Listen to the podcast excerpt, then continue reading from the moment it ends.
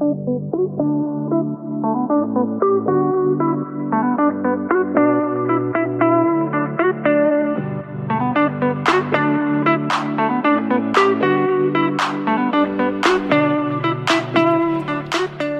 ja, back to the matcha. Back to the matcha. För er som dricker eh, mycket kaffe och vill dra ner på kaffe, drick matcha tänkte jag. Och googlar och bara, vet du hur mycket koffein det är matcha? Är det sant? Det är helt sjukt mycket koffein. Men vänta, nu måste jag hämta min burk och kolla Okej? vad det står på den. Jag tror att det är så här 300 milligram. Okej, okej vänta lite. Så för er som som sagt medan Lilly hämtar matchaburken. Det är jättegott med matcha. Det är verkligen jätte, jättegott med matcha. Sen vet jag att många... Jag förklarar här medan du hämtar din burk att vi har ju exakt samma burk. Jag har inte läst på den här burken. Men eh, många tycker inte om matcha för att de bara dricker det med havremjölk eller sånt. Men matcha är ju verkligen gott om man dricker det med vaniljmjölk eller sådana saker och is. Oj, ja det är fan koffein i. Jag visste inte ens att det var koffein överhuvudtaget i. Och det är mycket också. Koffein, det står... ehm, den här burken är på 160 gram. Och det är totalt 516 milligram koffein i den här. Alltså, Nu ska vi. Serving Jag tror att om du dricker 5 deciliter vanligt kaffe så är det typ 300 milligram koffein. Och jag hade för mig att när jag googlade att matcha var så här en kopp 300 milligram. Alltså att det var så mycket. Det är galet. Ja för det här är, det står näringsvärde per 100 gram står det och då är det 516 milligram. Exakt. Ah, men oh, jag visste inte ens att det var koffein överhuvudtaget. Nu kommer jag aldrig dricka matcha igen. Det är mycket. Ja. Alltså att jag till och med själv när jag tog, för jag tog en häromdagen när jag städade. Ja. Och tänkte att åh vad mysigt och gott och liksom med vaniljmjölk och allt det där och stort glas med is. Och så bara tänkte jag så här. Jag har faktiskt aldrig googlat vad det är i matcha. Och när jag såg koffein... Nej men nej, verkligen inte. För när jag såg koffeininnehållet då tänkte jag alltså This rabbit's gonna run around the whole night. Ja, fan. Jag drack. Nu har jag inga problem jag att drack. dricka koffein innan jag går och lägger mig men Men alltså helt ärligt så här koffein allmänt, alltså du vet så här. Ja men folk säger typ ah, men om du är trött drick en Red Bull eller eh, ta en kaffe. Eller du vet så här. Och jag dricker ju obviously inte kaffe. Men du vet... Förlåt mig, den där minen du gjorde precis. Med luvan på huvudet också, det är så skit.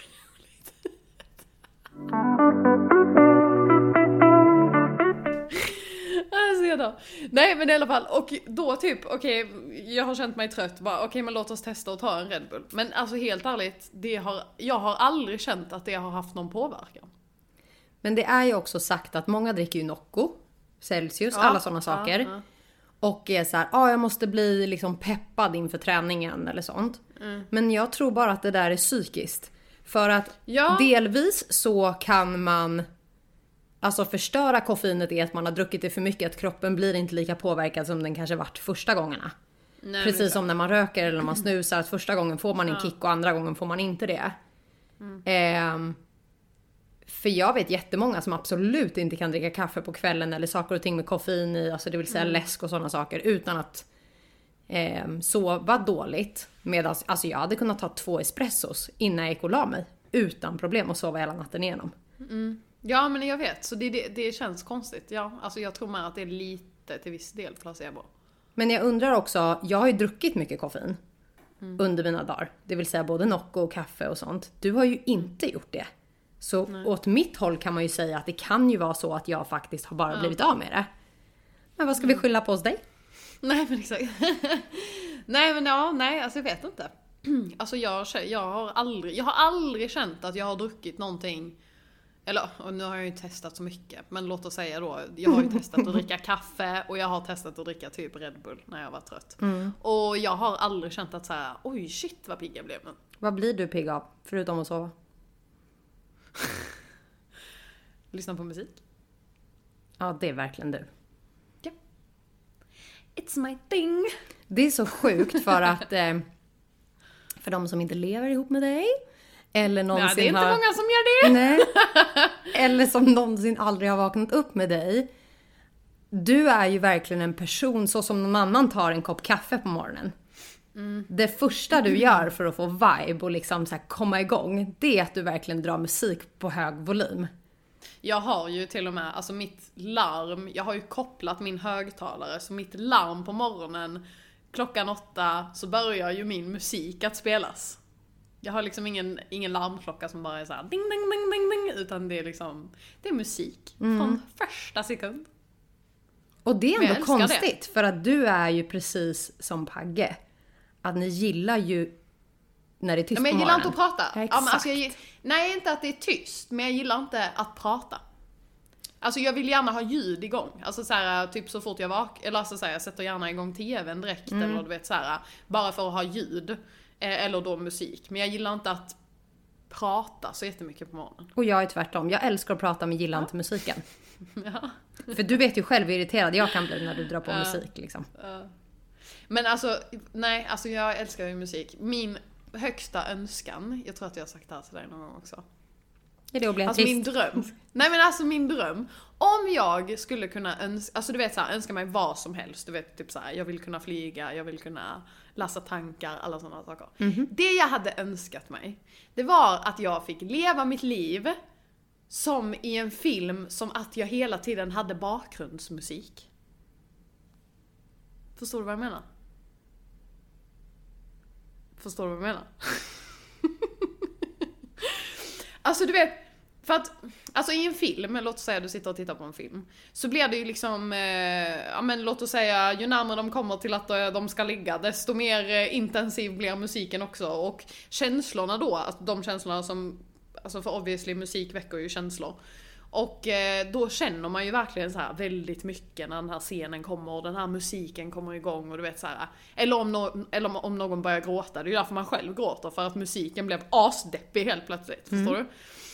Tänk då att bara kunna få leva sitt liv och alla dina kär...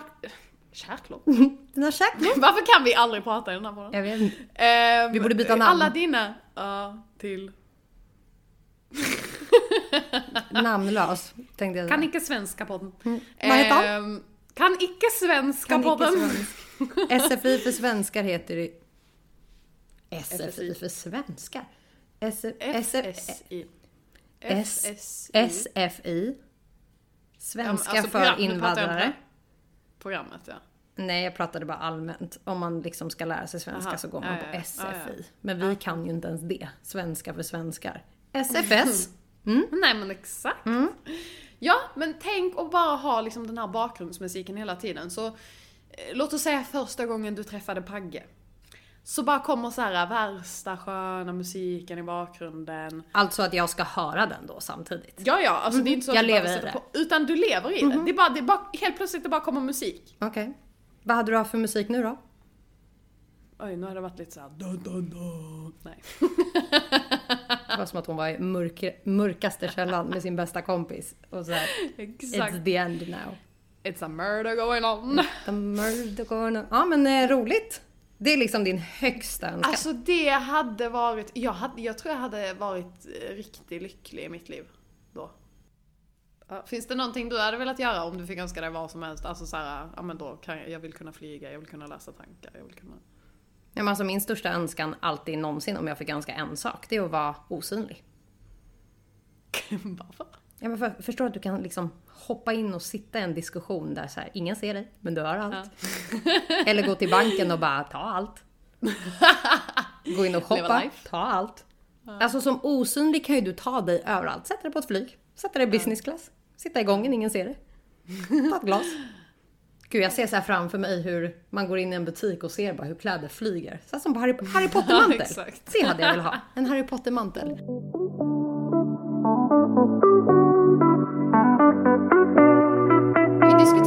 Innan att vi skulle ta upp ett ämne faktiskt idag. Som eh, är lite tråkigare. Ehm, Men det har ju Sorgligt. faktiskt, exakt. Och det här är ju mycket i sociala medier nu. Ehm, och det handlar ju om eh, mordet på Tove, 21 år gammal, i Vetlanda var det va? Mhm. Vart ligger ens det? Oj. Längre upp i landet obviously i alla fall för mig. Ja, Nej, jag ligger i botten av vårt land. Nej men det är väl, eh, å, är det inte ovanför Stockholm någonstans? Jag vet faktiskt inte. Vetlanda.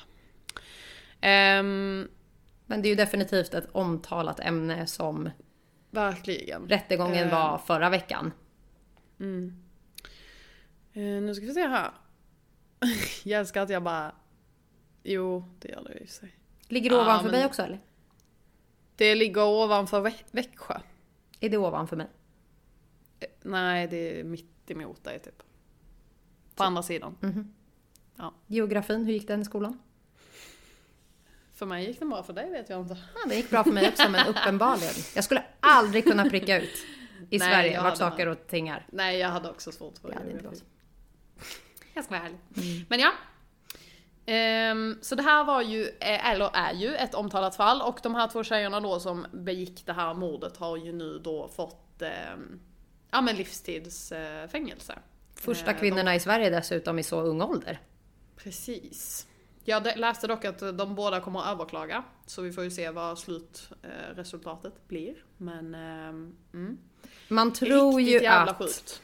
Man tror ju att 18-åringen kommer att komma undan eh, och få ett mildare straff vid den här överklagan på grund av att man inte riktigt kan bevisa att hon har varit med Mm. och liksom eh, ja, slussat den här personen fram och tillbaka i skogen och yada. Men det som ställer mig frågan i det här är att jag kan inte förstå att man i, framförallt i så ung ålder, har de tendenserna att faktiskt utföra något sånt här. Och att det någonstans skrämmer mig av att det här handlar ju liksom om, om en psykisk störning. Alltså jag tror inte att det här är, har någonting med de här tjejernas uppväxt att göra eller att, hur de är fostrade eller sådana saker. Utan vissa människor föds ju med en psykisk störning där de känner noll sy- sympati för andra, att de inte förstår liksom vart gränser och sånt går och att man Alltså att man har modet att göra en sån här sak. Det är för mig en gåta. Jag sa det till mamma häromdagen att om någon hade skadat dig då, säger vi. Gjort dig, dödat dig. Då känner jag i mina tankar, jag vill döda den här personen. Det är vad mina tankar säger. Jag vill döda den här personen också. Men mitt friska, sunda beteende skulle ju aldrig döda den här personen. Det är ju bara någonting man känner av ilska. Att, så här, åh, att någonting man uttrycker sig, hur fel och hemskt det än låter. Att jag hade absolut så här, "Åh, du ska ta en kniv, det hade jag aldrig gjort. Men jag hade ju aldrig vågat göra hugget. Är du med? Men de här personerna vågar liksom gå hela vägen. Ja, och det- alltså det som är, alltså det som är det sjuka är ju också att det verkar ju som att de verkligen har typ planerat på att mörda henne. Alltså att de har ju liksom verkligen funderat över eh, hur de ska göra eller när de ska göra och liksom googlat på grejer och hur eh, mördar man en eh, ex-kompis lättast eller alltså du vet så här, man bara Jag lovar dig. alltså, det finns hade, hade någon googlat i min data Mm. så hade ju de trott att jag var en psykopat. För att jag är så insatt i så här kriminella saker som händer. I, Mm, liksom, jag do, alltså så fort jag ser en dokumentär om någonting då börjar jag också googla på det för att jag vill veta vad de ser. Mm. Vad är det de här idioterna läser som gör att de liksom tar sig hela vägen?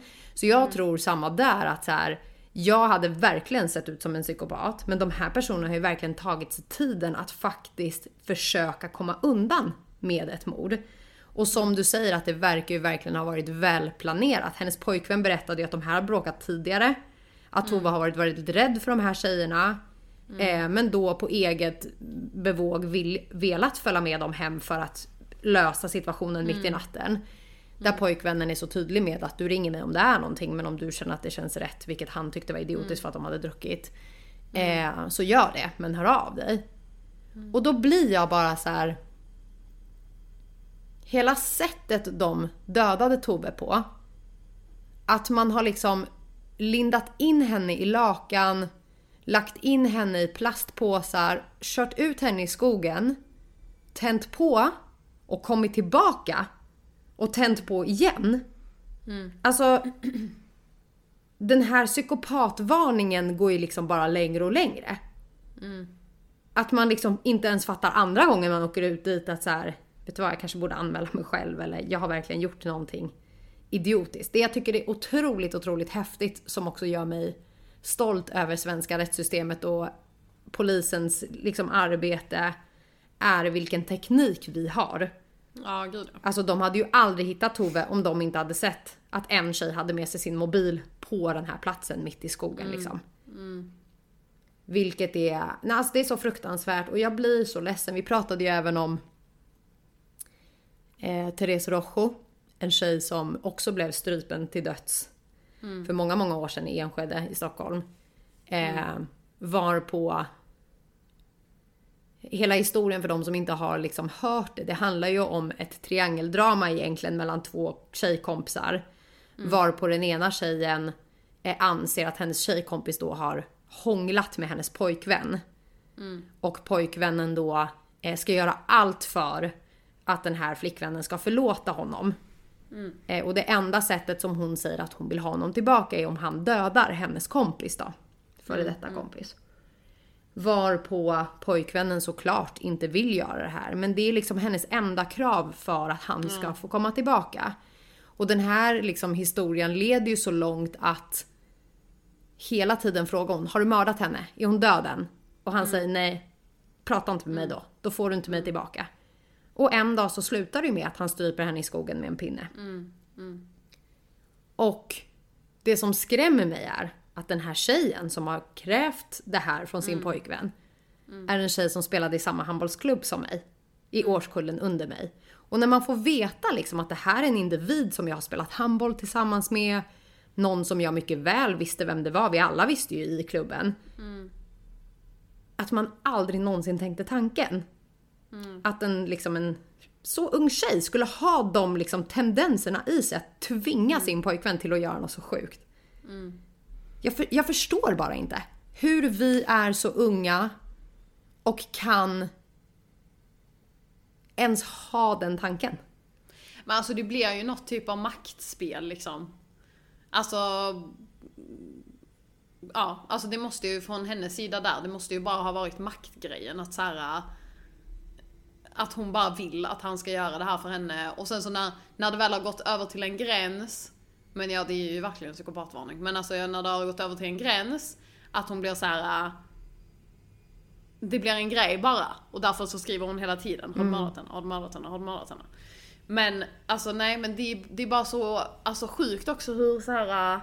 Alltså tänk dig själv Tänk dig att vara förälder liksom- till det här barnet. Till Ja, de det, här alltså, barnen. det är en helt annan grej. Men alltså att bara sätta händerna runt någon, ha- någons hals. Och trycka till. Alltså, Gjorde ni den här leken i skolan? Den var väldigt populär på våran tid i alla fall. Att man skulle ställa händerna mot knäna. Eh, och luta sig neråt liksom. Och sen skulle man ta 10 djupa andetag. Och när jag tog det sista så ställde jag mig upp och då skulle en kompis trycka mot min hals. Så jag tuppade av. okej. Det här, inte det här var jätte, jättevanligt. Jag har gjort det. Jag har tuppat av och jag har fått andra att tuppa av. Okej. Och det här var ju livsfarligt. Eh, och jag menar, där och då tyckte man ju bara att det var läskigt. Att hålla någon i liksom två sekunder. För det slutade ju med att du inte fick någon syre upp till hjärnan och så tuppade Exakt. du av liksom.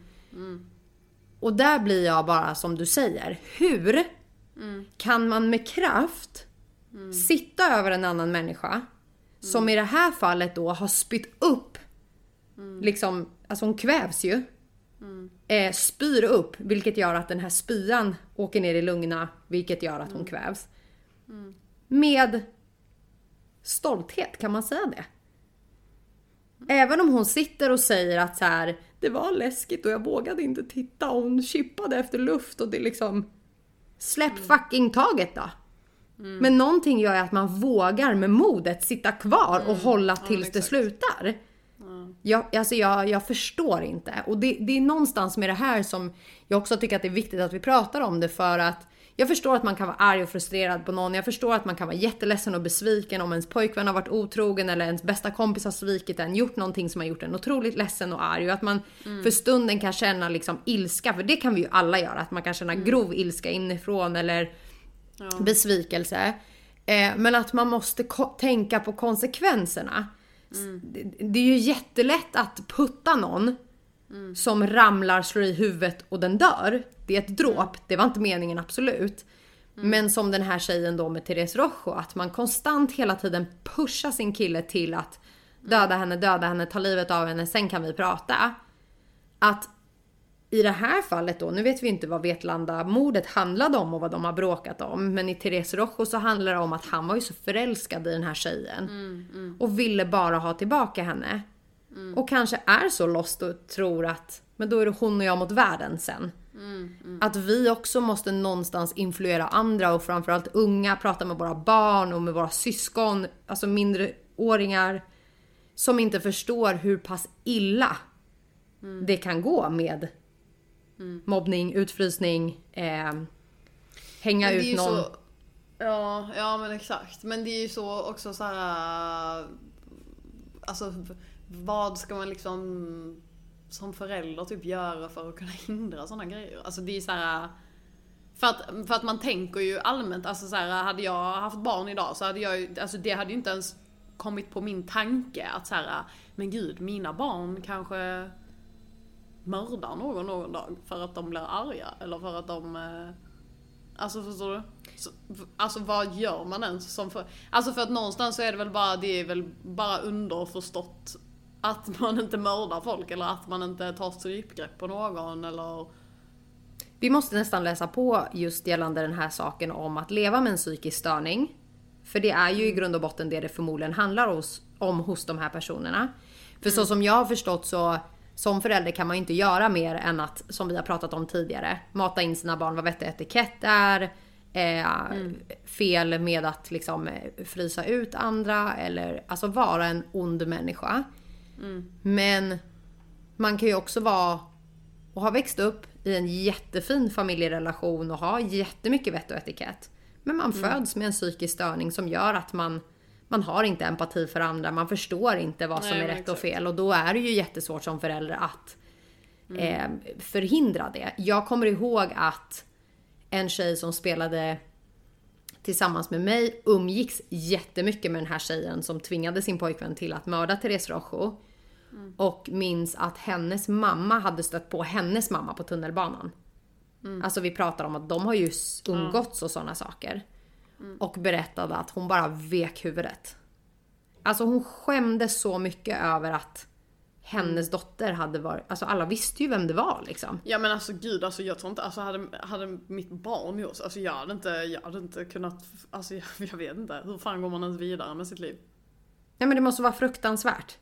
Alltså speciellt också, alltså fick hon eh, någon dom, hon som eh, skickade smsen liksom? Hon sitter inne idag, om jag förstod min mamma rätt. Vi pratade om det här för några dagar sedan. Eh, och att det tydligen har varit så att hon varit ganska stolt över det här. Har det visat sig. Alltså att det ryktet går på fängelset idag. Sen om det är en psykisk störning, att det är hennes skydd. Eh, Att det är hennes sätt att ta sig igenom de här åren som hon har fått. Men, Ja ja, men hon sitter i alla fall liksom. jag tror att hon fick ungdomsvård från början för att de var ganska unga. Ja, alltså åtminstone, åtminstone bättre det, alltså Alltså som om jag tänker ur förälderns perspektiv också, att, så här, att hon ändå fick eh, en dom. Annars hade det ju nog varit ännu jobbigare. Men ehm, alltså, ja, jag vet inte. Jag alltså, tror att man som förälder skuldbelägger sig själv Ja men exakt, ändå. det är klart. Ja, ja. Jag hade ja. också skämt jättemycket av att folk Ja, tittade på mig och så här, hennes dotter Ja, mördade. nej, alltså, jag, alltså jag hade inte gått ut på alltså, minst ett halvår alltså. Nej men nu säger jag som min mamma. För jag sa till mamma så här, jag vill inte ens ha barn. Nej, exakt. Alltså jag, nej men jag vill inte ha barn när sånt här händer. Jag vill inte vara en förälder som kanske får en, en dotter eller en son med psykisk störning. Nej. Som inte går att styra över. Mm. Och då, då, då skrattar mamma och säger, gör som jag, skräm skiten ur dem. Mm. Att så här, gör dina barn så rädda för att liksom, gör inget fel. För då Mm. jävlar kommer mamma alltså. Och det är väl lite det jag känner att så här, Ja, det får jag fan ge min mamma. Att hon skrämde skiten ur mig. Jag var ju livrädd för att göra fel. För att jag visste hur arg hon skulle bli.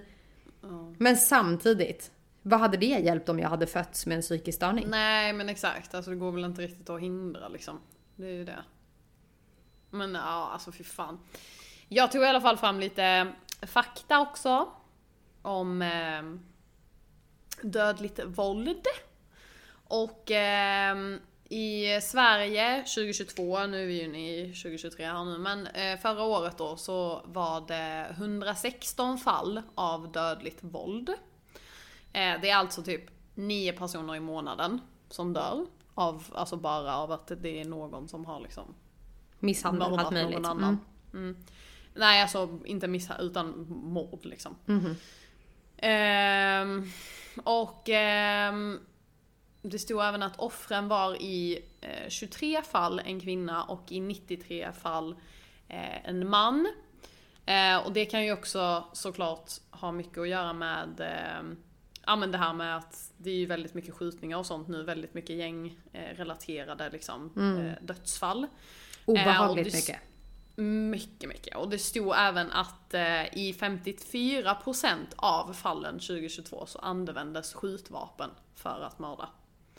Ehm, så det är ju jävligt sjukt. Alltså det är ju liksom Alltså det är ju mer än hälften liksom som mördas genom att någon skjuter någon annan. Och här måste jag pausa och säga. Här handlar det om droger som tar över deras psyke. Alltså de flesta som begår mord i gängrelaterade Exakt. situationer idag lever ju med så grov ångest och så grova mardrömmar för att de någonstans bara har velat ha en plats i kulturen. Eh, gör de här beställningsmorden, får betalt för de här beställningsmorden eh, och därefter måste liksom medicinera sig, säger jag nu, med så starka droger att de kan sova på nätterna, att de kan liksom hålla sig vakna, att de kan leva utan att liksom få paranoia för allt de ser runt omkring. Så att det är ju också läskigt i att de, de stora delarna av de flesta morden som idag görs har ju inte ens med en psykisk störning att göra. Nej, Det är ju bara nej. att man har noll fucking empati för andra människor. Ja, och jag tror det är ju många av dem också som, som tar droger innan de gör, alltså innan de går och skjuter någon annan också för att man inte heller ska känna någonting i sekunden och inte, inte göra det när man väl står där liksom. Men eh, mm, nej. jag alltså, förstår bara inte hur man vågar alltså, trycka av eller hugga ihjäl någon eller så här. Nej men alltså går du på tram kanske eller vad fan som helst, jag vet inte, någonting som dödar dina känslor liksom, att du blir ganska känslokall. Det finns ju såna piller liksom. Då, där och då om du har, verkligen har bestämt dig för det. Eh, och eh, ja men obviously det är som du också säger beställningsgrejer liksom. De får ändå pengar för det. Eh, pengar är värt mycket idag. Och eh, när du väl står där, där och då så är det ju kanske inte så mycket i ditt mind som säger eh, gör inte det. Vi vill bara inflika och säga ta inte tram. Ta inte saker och ting som tar bort era känslor när ni är arga på liksom, Nej. eran partner eller mamma eller kompisar Nej, eller något såklart. som har hänt. Det är ju Droger överlag är ju inget att rekommendera. absolut inte. Men jag, ja, jag hör dig. Jag tycker att det är...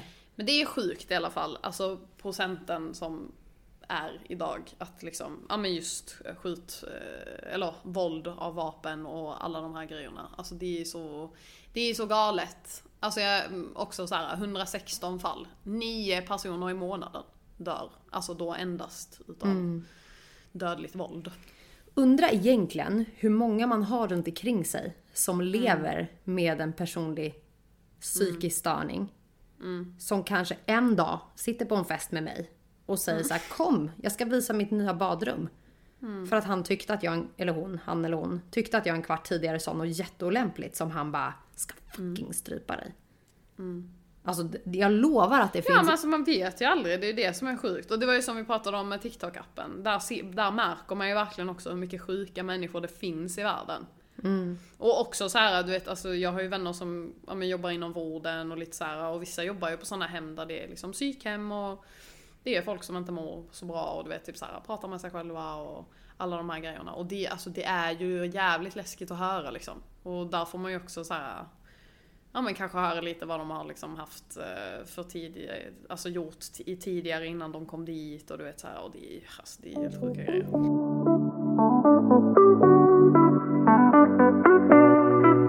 Det är ju ganska fascinerande. Nu ska jag backa bandet och prata om min pappa då som gick bort. Han...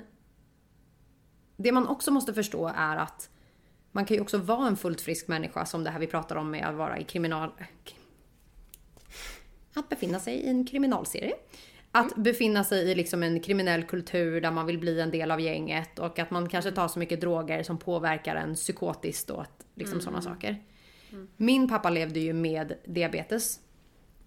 Och enligt han själv då så har ju han fått medicinskt utskrivet marijuana. Han kunde aldrig bevisa det, men det var det han sa. Ja. Att i varenda jäkla tull som vi åkte utomlands eller sånt och han blev liksom stoppad för sådana saker. Så skulle han stå i timmar och timmar och timmar och visa att det här har jag liksom fått utskrivet. Jag vet inte hur han tog sig förbi varje gång. Men framförallt så rökte han på otroligt, otroligt mycket. Och gärna när vi var i Thailand utomlands. För att det sänkte hans blod, eh, socker, blodsocker. Så att han låg på en jämn nivå hela tiden. Och uppenbarligen så funkade det. Många säger ju att liksom marijuana är Det kan ju medicin, hjälpa ja, medicinskt bevisat. Det som tyvärr slutade med var att pappa rökte så mycket marijuana att han till slut fick psykos. Och det är jättesorgligt. Men jag tycker också att det är viktigt att lyfta för att vi ser ju många som röker mycket vape eller liksom, alltså hur mycket det kan påverka kroppen överlag. Nu säger inte jag att det vape är en drog. Många kanske klassar det som det, men pappa blev så psykiskt jävla påverkad. Att plötsligt var liksom FBI ute efter honom i hemmet. Ja, men, ja, Vattnet var förgiftat. Alltså vi fick inte dricka vattnet. Det var liksom katastrof. Men i hans värld så var det ju verkligen så. Ja. Så sorgligt nog så åkte ju pappa in på psyk eh, i Stockholm. Vad kan det ha varit? Tre år innan han gick bort. Vilket vi skrattade ju åt det. För att för någon som liksom lever i en värld utanför psykos och att liksom ha noll förståelse för hur mycket kroppen förändras. Så blir det ju roligt. Jättesorgligt men det blir väldigt roligt att höra alla hans historier. Eh, och jag kommer ihåg första gången vi skulle hälsa på honom på psyket att eh, de berättade så sjuka historier om pappa som vi, alltså vi bara satt och gapskrattade för att det var så här någonstans så vill man ju leva i hans värld. Ja men, alltså, det, ja men det blev bara så sjukt att höra det, alltså, så här, för det blev så himla overkligt för en själv liksom, hur, hur hjärnan bara kan hitta på en massa saker. Jättekonstigt. Och de berättade ju allt från att liksom, pappa hade ju väldigt mycket pengar och trodde att han kunde köpa sig till allt. Så i början så var han på psyk för att FBI var ute efter honom och eh, de skyddade honom där. Det var liksom hans första story. Ehm, och när han väl var skyddad så ville han bjuda hela boendet på lakrits i massor. Så han hade ringt till liksom en lakritsfabrik och beställt alltså så mycket lakrits. Så han hade ju betalt det med sitt kort och allting. Så de här beställningarna las ju. Ehm, vilket till slut resulterade i att man var tvungen att ta bort hans telefon. För att i pappas värld så var ju han där, men alla andra var konstiga. Eh, och han ville ju hjälpa dem. Eh, och det är ju farligt också. Det var det de förklarade för oss på det här boendet att han lovar ju så mycket till de här människorna som har så grova psykoser eller psykstörningar. Vilket ger dem förhoppningar som inte är bra. Ja, verkligen. Han kunde lämna sitt bankomatkort till någon som skulle få liksom permission en dag. Och gå och köpa vad den ville och komma tillbaka med hans kort. och eh, vi tyckte ju fortfarande det här var super, super kul. Och en dag så skulle vi hälsa på. Och jag kommer in på den här avdelningen. Och någonstans så vill jag verkligen liksom förklara att det är så fruktansvärt vad man tror att man vet vad en psykos är hos någon. När någon berättar eller hur den tänker och att man kan skratta åt det. Men jag vart verkligen obekväm där inne. De är ju verkligen separerade igång, alltså de, det är ju som ett sjuk, alltså, sjukhusavdelning där folk sitter på olika platser, de har sina rum och bla bla bla. Och eh, när vi kom så, eh, satt pappa liksom i en hörna eh, vid en soffa i ett rum och så var liksom gången eh, snett framför oss så. Så att alla kunde ju se oss att pappa fick besök och sådana saker. Och plötsligt så eh, ber pappa eh, min syster att smörja in hans fötter för de hade blivit väldigt torra så han skulle liksom hämta en kräm så Nadia kunde hjälpa honom då. Och då dyker det upp en kvinna bakom oss. Som pappa säger, hon är helt förälskad i mig. Och jag vet inte om det var i hans värld eller om det faktiskt var så. Men hon stod i ett vitt, alltså sån där sjukhusdräkt. Med håret framför ansiktet som the grudge. Och blängde på min syster. Som att, alltså jag kommer döda dig för det där är min man. Okej. Alltså såg ni henne? Ja, ja, alltså hon stod Ja. framför oss. okej, okej. Ja. Bara du vet med armarna så här hängandes. Och psykotiskt tittade på Nadja som så här, varför rör du hans fötter? Okej. ja. Men jag, alltså jag vart rädd. För att jag kände, har någon koll på den här kvinnan? Alltså jag har tittat på alldeles för mycket skräckfilmer. Eh, och pappa skrattar bara. För han tycker att det är jättekul. Men den här kvinnan tyckte ju inte det. För jag tror att pappa lovat henne ganska mycket saker. Okej. Ja. Ehm, och det var liksom bara en av sakerna. Och så när vi skulle gå ut, eh, gå ut därifrån så satt en, han kanske var i min ålder, en pojke. Jag kallar mig själv flicka. Eh, och bara ritade. Tänk ett stort A5. Är A5 större än A4? Nej, A3. förstås. Ja. Han satt med ett A3, så här som man ser på film. Och bara ritade en ledsen gubbe efter ledsen gubbe efter ledsen gubbe. Alltså på hela det här A3. Så, alltså psykotiskt. Och pappa passerar och sä- säger jag köper den där för 10 miljoner och går vidare. Och den här killen tittar ju upp som att så här, där vart han miljonär på en sekund. Att du vet, det var så sjukt att faktiskt få se det framför sig. Hur pass påverkade de blir. Dels av sina droger, sina psykiska störningar och att någon annan bara kommer med typ en sån där idiotisk kommentar som pappa gjorde där och då. Att han skulle köpa hans teckning. För de pengarna. Att jag vart verkligen så här, aha. Nu är jag ännu mer rädd för droger. Nu är jag ännu mer rädd för att befinna mig runt människor som lever med en psykisk störning eller sådana saker. För att det uppenbarligen är okontrollerbart. Ja. Ja, alltså man vet ju aldrig liksom, alltså alla droger du tar också, eller så här, alla substanser överlag. Eh, man vet ju liksom aldrig hur det, hur det kommer att påverka en. Nej. Alltså, även om det funkar för någon annan så kanske du har något i kroppen som gör att det inte funkar för dig liksom. Så att det är ju alltid en risk liksom, att, att ta sådana grejer liksom. Det är bara läskigt. Jag tycker bara att det är så otroligt, otroligt viktigt att eh, fan alltså. Vi, vi har så många runt omkring oss som förmodligen lever med så mycket ångest och så mycket saker runt omkring sig som de aldrig pratar om eller berättar. Men samtidigt om hur påverkade vi kan bli av exempelvis droger. Eller ehm, kanske dö. Runt omkring någon som man inte alls trodde någonsin skulle sätta händerna mot min hals. Det, det, det är liksom så vanligt och det, nej, det, det är obehagligt. Jätte, jätte obehagligt. Jag är... Jag vill låsa in mig, jag vill inte hänga med någon. Har, har, har du liksom någonsin känt att du har hängt med någon som gör dig obekväm av att det känns som att den här personen, alltså att det är någonting som... Nej, alltså känt mig obekväm har jag väl inte gjort så. Alltså, det är ju klart att man har märkt på vissa att de kanske har varit påverkade av någonting liksom. Ehm, men jag har nog aldrig känt mig liksom så här obekväm. Jag har nog aldrig varit i, jag, jag har nog aldrig satt mig i en sån situation där jag liksom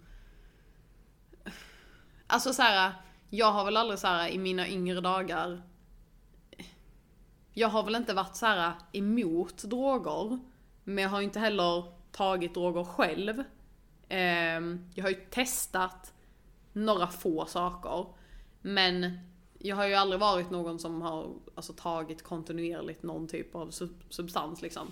Och eh, det, har ju aldrig, det har ju aldrig varit någonting som har lockat mig alltså, speciellt mycket. Ehm, Vad har då fått heller dig aldrig- att testa? För att för mig är det ju verkligen, min mamma skrämt skiten ur mig. Du skulle bara våga stoppa någonting i munnen. Ens våga röka marijuana. Alltså, nej alltså hon, hon har verkligen fått mig att här, jag skulle aldrig i mitt liv ens våga. Hur kul det kanske än var.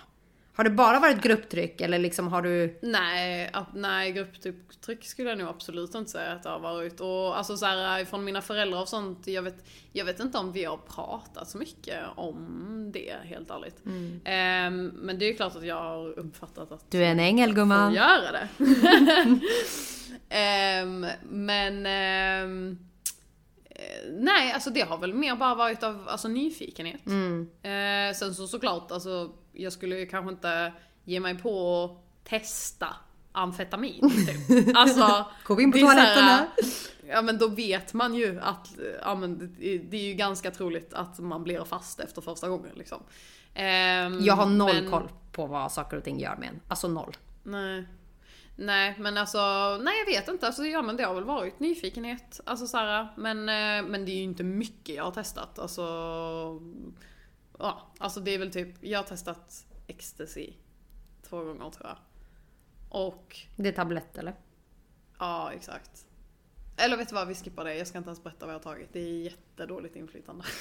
Men så här, det kanske inte är jättebra inflytande men samtidigt så är det ju sanna världen. Många testar ju för att många påverkar. Jo såklart, men jag vill inte heller att folk ska tänka ah men hon testade ecstasy, då kan jag också göra det. Alltså, Exakt, förstår och det är För det är därför- så ofta man tänker. Exakt, och det är därför jag också vill säga nu att så här, det är ändå bra att du nämner det för att det kan ju faktiskt gå jätte, jättefel.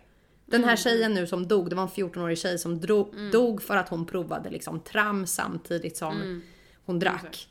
Eh, vilket... Mm. Ja men det är det, alltså det är ju kemiskt framtagna grejer. Alltså så här, och det är också så här, även om en ecstasy-tablett kanske är bra gjord och funkar bra, så kanske den andra ecstasy-tabletten som ligger bredvid, eh, kanske de har blandat ut med något annat ämne som bara inte ska vara där. Exakt. Alltså man, man har ju hört att det är, vissa blandar ju ut med så här typ råttgift och sådana grejer.